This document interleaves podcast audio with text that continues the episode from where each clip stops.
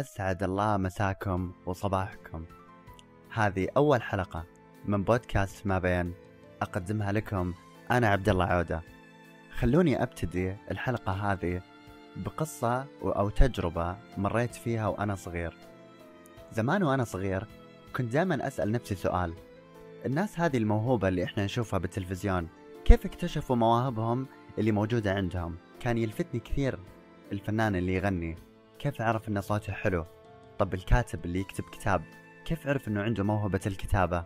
أسئلة كثير كانت تجي في بالي وكنت أعتقد إلى وقت معين إنه هذا الشيء كثير صعب إنه إحنا نكتشفه في أنفسنا رغم إنه أنا بنفس الوقت كنت كل ما أمل أفتح دفتري والقلم وأجلس أرسم وما أخفيكم إني في أوقات كثيرة كمان كنت أكتب. طوال الوقت كان يجيني نفس السؤال. هم كيف قدروا كذا يكونوا ناس مبدعين؟ كيف قدروا يوصلوا للمجلات وللتلفزيون؟ مين اللي ساعدهم إنهم هم يوصلوا إلى المراحل هذه اللي تعتبر مرة متطورة؟ وبنفس الوقت اللي أنا قاعد أسأل نفسي سؤال كنت ناسي إنه أنا بين يديني موهبة أنا مو قادر أكتشفها في نفسي. أنا كنت كثير أحب الرسم وأنا صغير. كنت كل ما أمل أمسك الدفتر والقلم وأجلس أرسم. إيش دواير إيش خطوط؟ وجه شجرة عصفور كل شيء كان يجي في بالي كنت أرسمه. حتى لو كان الرسم سيء ولكن كنت أرسم. كنت أعتبر أن الرسم شيء يعبر عن شخصيتي. لما بديت أكبر مع الممارسة صارت الموهبة عندي هذه تتطور أكثر. وكنت أخجل بنفس الوقت أنه أنا أقول للناس أني أنا أرسم لأني كنت أخاف من أي وجهة نظر فيني تكون سلبية. كان الكلام السلبي كثير يأثر في شخصيتي. كنت أعتقد إلى لحظة معينة أنه أي انتقاد سلبي لي ممكن يخليني أوقف الشيء اللي أنا قاعد أسويه. حتى لما انصارحت أتذكر أني أنا قلت لأهلي أنه أنا كنت أرسم ومش كل أهلي كمان البعض منهم. اليوم أنا قاعد أسأل نفسي موهبة الرسم هذه اللي كانت عندي هي من ضمن مواهب كثيرة كل شخص فينا له موهبة يمتاز فيها. لكن هذه الموهبة إيش أضافت لي اليوم؟ على المستوى الدراسي كانت طوال الوقت عندي نظرة فنية مختلفة. على مستوى الجامعة كانوا طوال الوقت أصدقائي بالجامعة يقولوا لي إنه أنا مختلف. حتى لما بديت أشتغل كان طموحي إنه أنا أكون إعلامي وما تحقق. لكن أرجع دائما أربط إيش طورت موهبة الرسم هذه بشخصيتي؟ إيه هي طورت أشياء كثيرة في شخصيتي. خلتني إنسان مبدع خلت نظرتي للأشياء دائما جميلة خلتني أشوف كل شيء حلو. الشجر الألوان التفاصيل الديكور. خلتني أستمتع بكل حاجة طوال الوقت. أنا طوال الوقت قادر أنه أنا أزود نفسي بمتعة بصرية من كل شيء أنا أشوفه في حياتي. هذا الشيء مو أنا الحالي حتى أنت. قادر طوال الوقت أنك تشوف كل شيء جميل متى ما أنت قررت. أي موهبة عندك؟ كتابة رسم تشكيل. هو يعتبر موهبة. لو أنت كنت تغني لو أنت كنت تحب تمثل إي هذه موهبة. أنت لازم تشتغل عليها وتطورها. مو كل شخص ممكن يكون عنده نفس موهبتك. مش كل الناس رسامين ولا كل الناس كتاب. ولكن كل شخص اشتغل على موهبته قدر إنه هو يكون إنسان مبدع في الموهبة اللي عنده.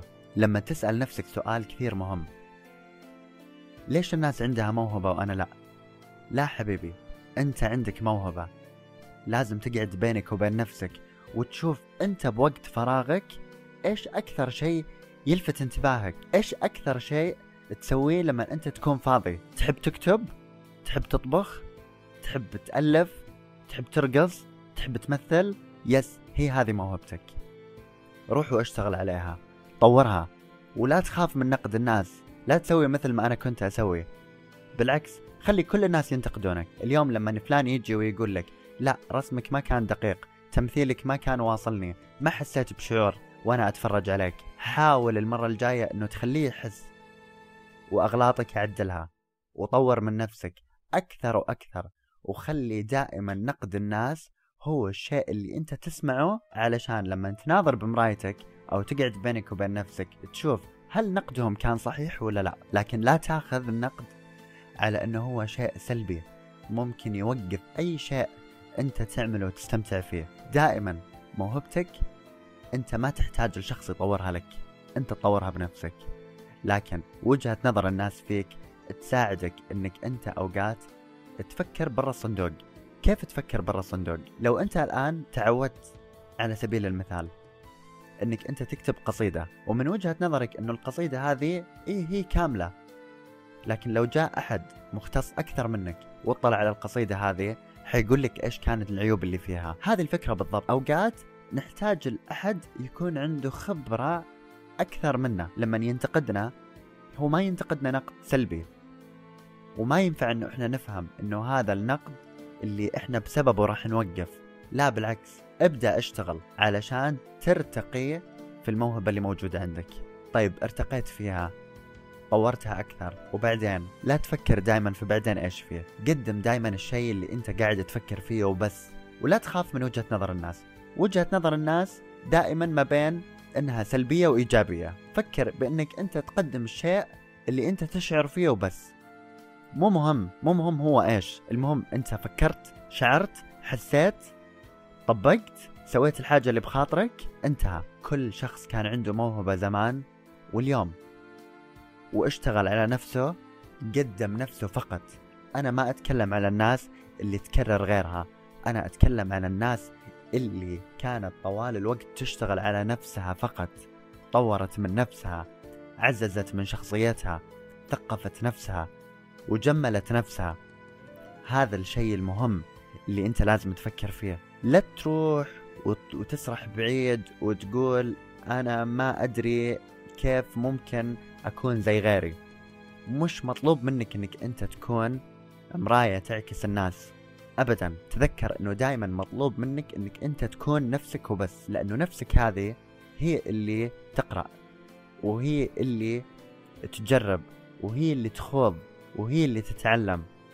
يدك هي اللي تكتب عقلك هو اللي يفكر. إذا أنت قادر توصل لكل شيء من نفسك. بتوفيق من الله ثم أنت لازم تشتغل على نفسك طوال الوقت. حط في بالك إنه كل شيء أنت حتوصل له حتوصل له لأنك أنت قاعد تجتهد عليه.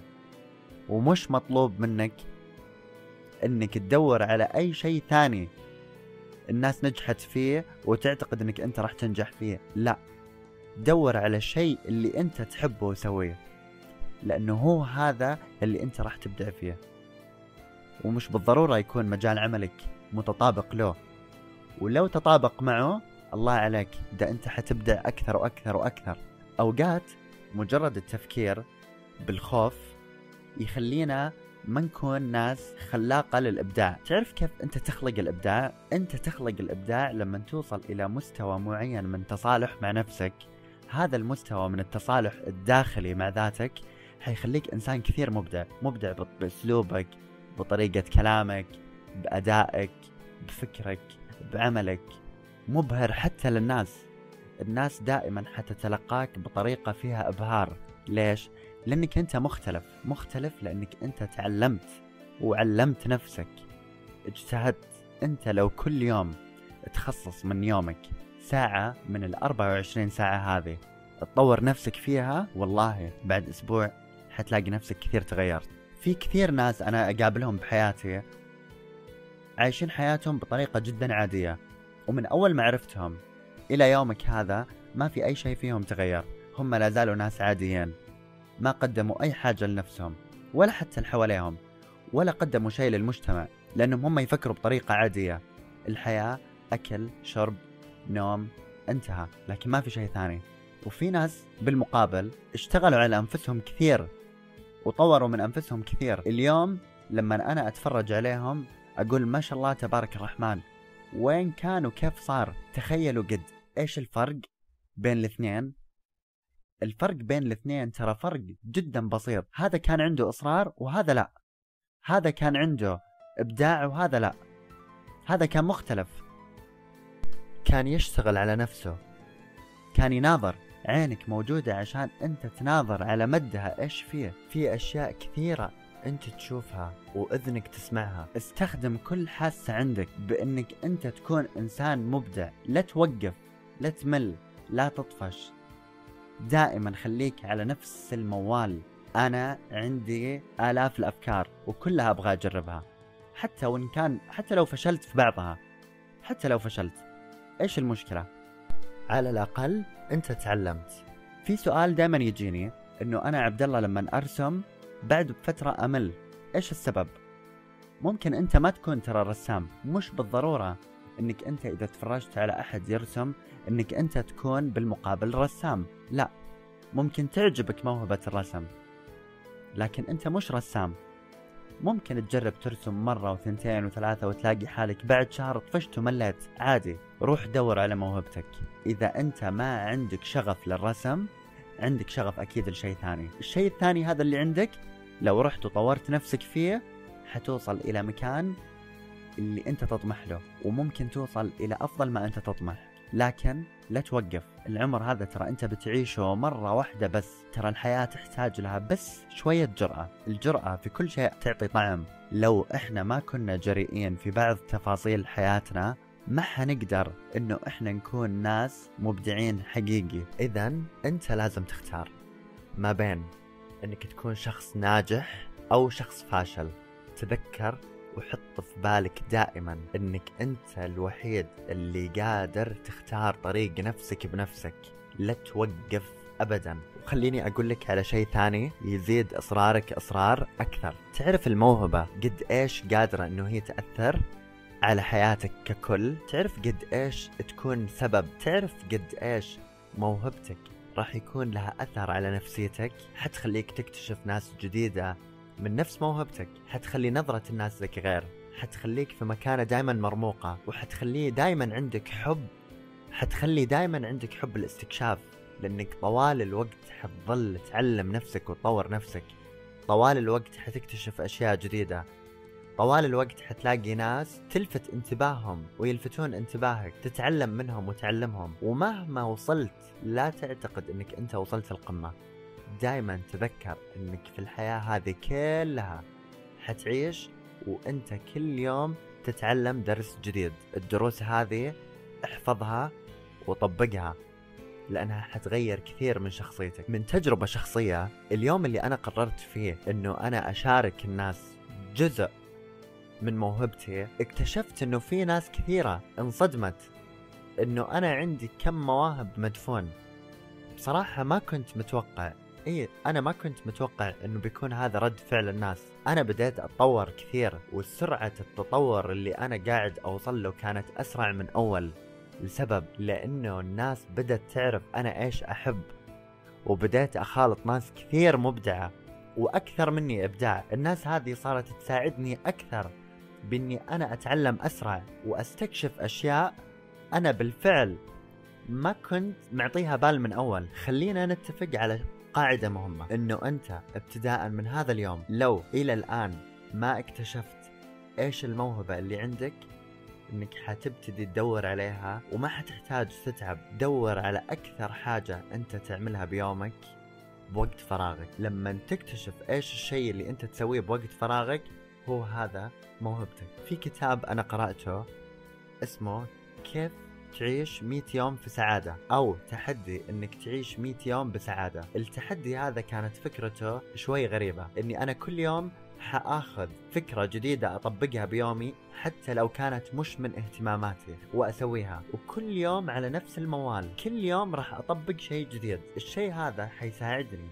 إنه يغير من نفسيتي كثير حيساعدني إنه يطور من شخصيتي كثير ويساعدني إني أنا أغير من روتين حتى حياتي. أول شيء أنا قاعد أتعلم قاعد أجرب قاعد أستكشف قاعد أتغير. ما عندنا كثير وقت وما ندري كم عندنا وقت. إحنا لازم نتخذ قرار من اليوم. أنت لازم تتخذ قرار من اليوم. فكر دائما بإنك لازم تكون إنسان غير عادي ودور دائما ما بين كل تجربة أنت اخذتها إيش تعلمت؟ مع كل تجربة أنت حتجربها وكل شيء حتتعلمه وكل شيء حتستكشفه حتلاقي نفسك تعلمت شيء جديد. حاول كثير تتقرب من كل شخص عنده نفس اهتماماتك. حاوروا دردش معاه شاركوا تفاصيل موهبتك اللي موجودة عندك. حتستفيد منه وحيفيدك. ابتعد عن الناس السلبية. قرب من الناس الإيجابية الناس اللي قادرة إنها تطورك الناس اللي قادرة إنها تثقفك وثقف نفسك.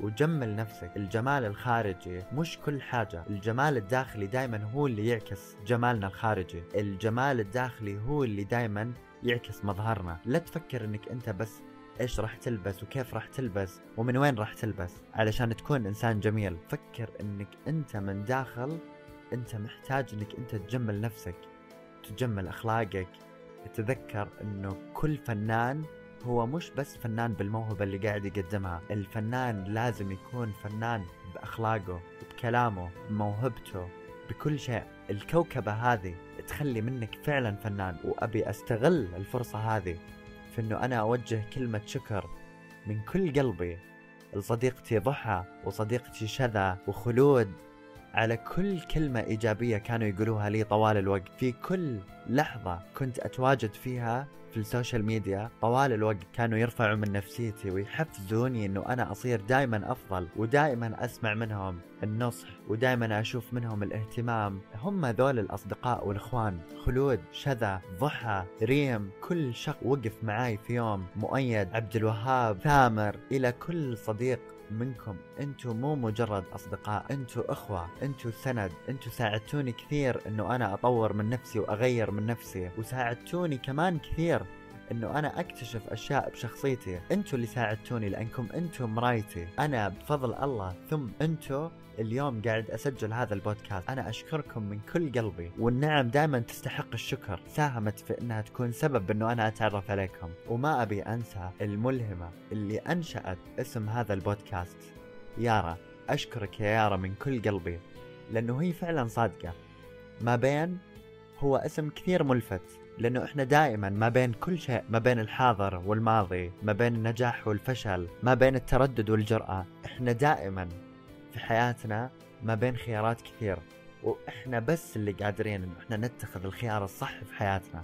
أتمنى تحدي 100 يوم من السعادة أنا أبغى نشتغل عليه كلنا. ونبتدي نشارك بعض إيش اللي تغير في شخصياتنا وإيش اللي تغير كمان في يومنا وإيش الأشياء الجديدة اللي تعلمناها. كل شيء جديد. إحنا حنتعلمه بهذا التحدي حينضاف إلى سي في خبراتنا اليوم ومن هذا اليوم أبي من كل شخص يسمع هذا البودكاست يبتدي معانا تحدي 100 يوم من السعادة. في كل يوم حنختبر تجربة جديدة ونشوف إيش كان أثرها على أنفسنا. الله يوفقكم ويسعدكم. من اليوم وطالع ما راح نسمح للوقت إنه هو يعدي من دون ما نتعلم. راح نكتسب خبرات جديدة وراح نجرب أشياء جديدة تخلي حياتنا ممتعة أكثر. حنقتل الروتين والملل. ما حنكون ناس عاديين. لأنه إحنا مو ناس عاديين. إحنا كلنا عندنا مواهب. لكن نحتاج بس نعطي نفسنا فرصة عشان نكتشف الموهبة اللي موجودة فينا. أشكركم من كل قلبي. وأشوفكم إن شاء الله في حلقة ثانية. عبد الله عودة.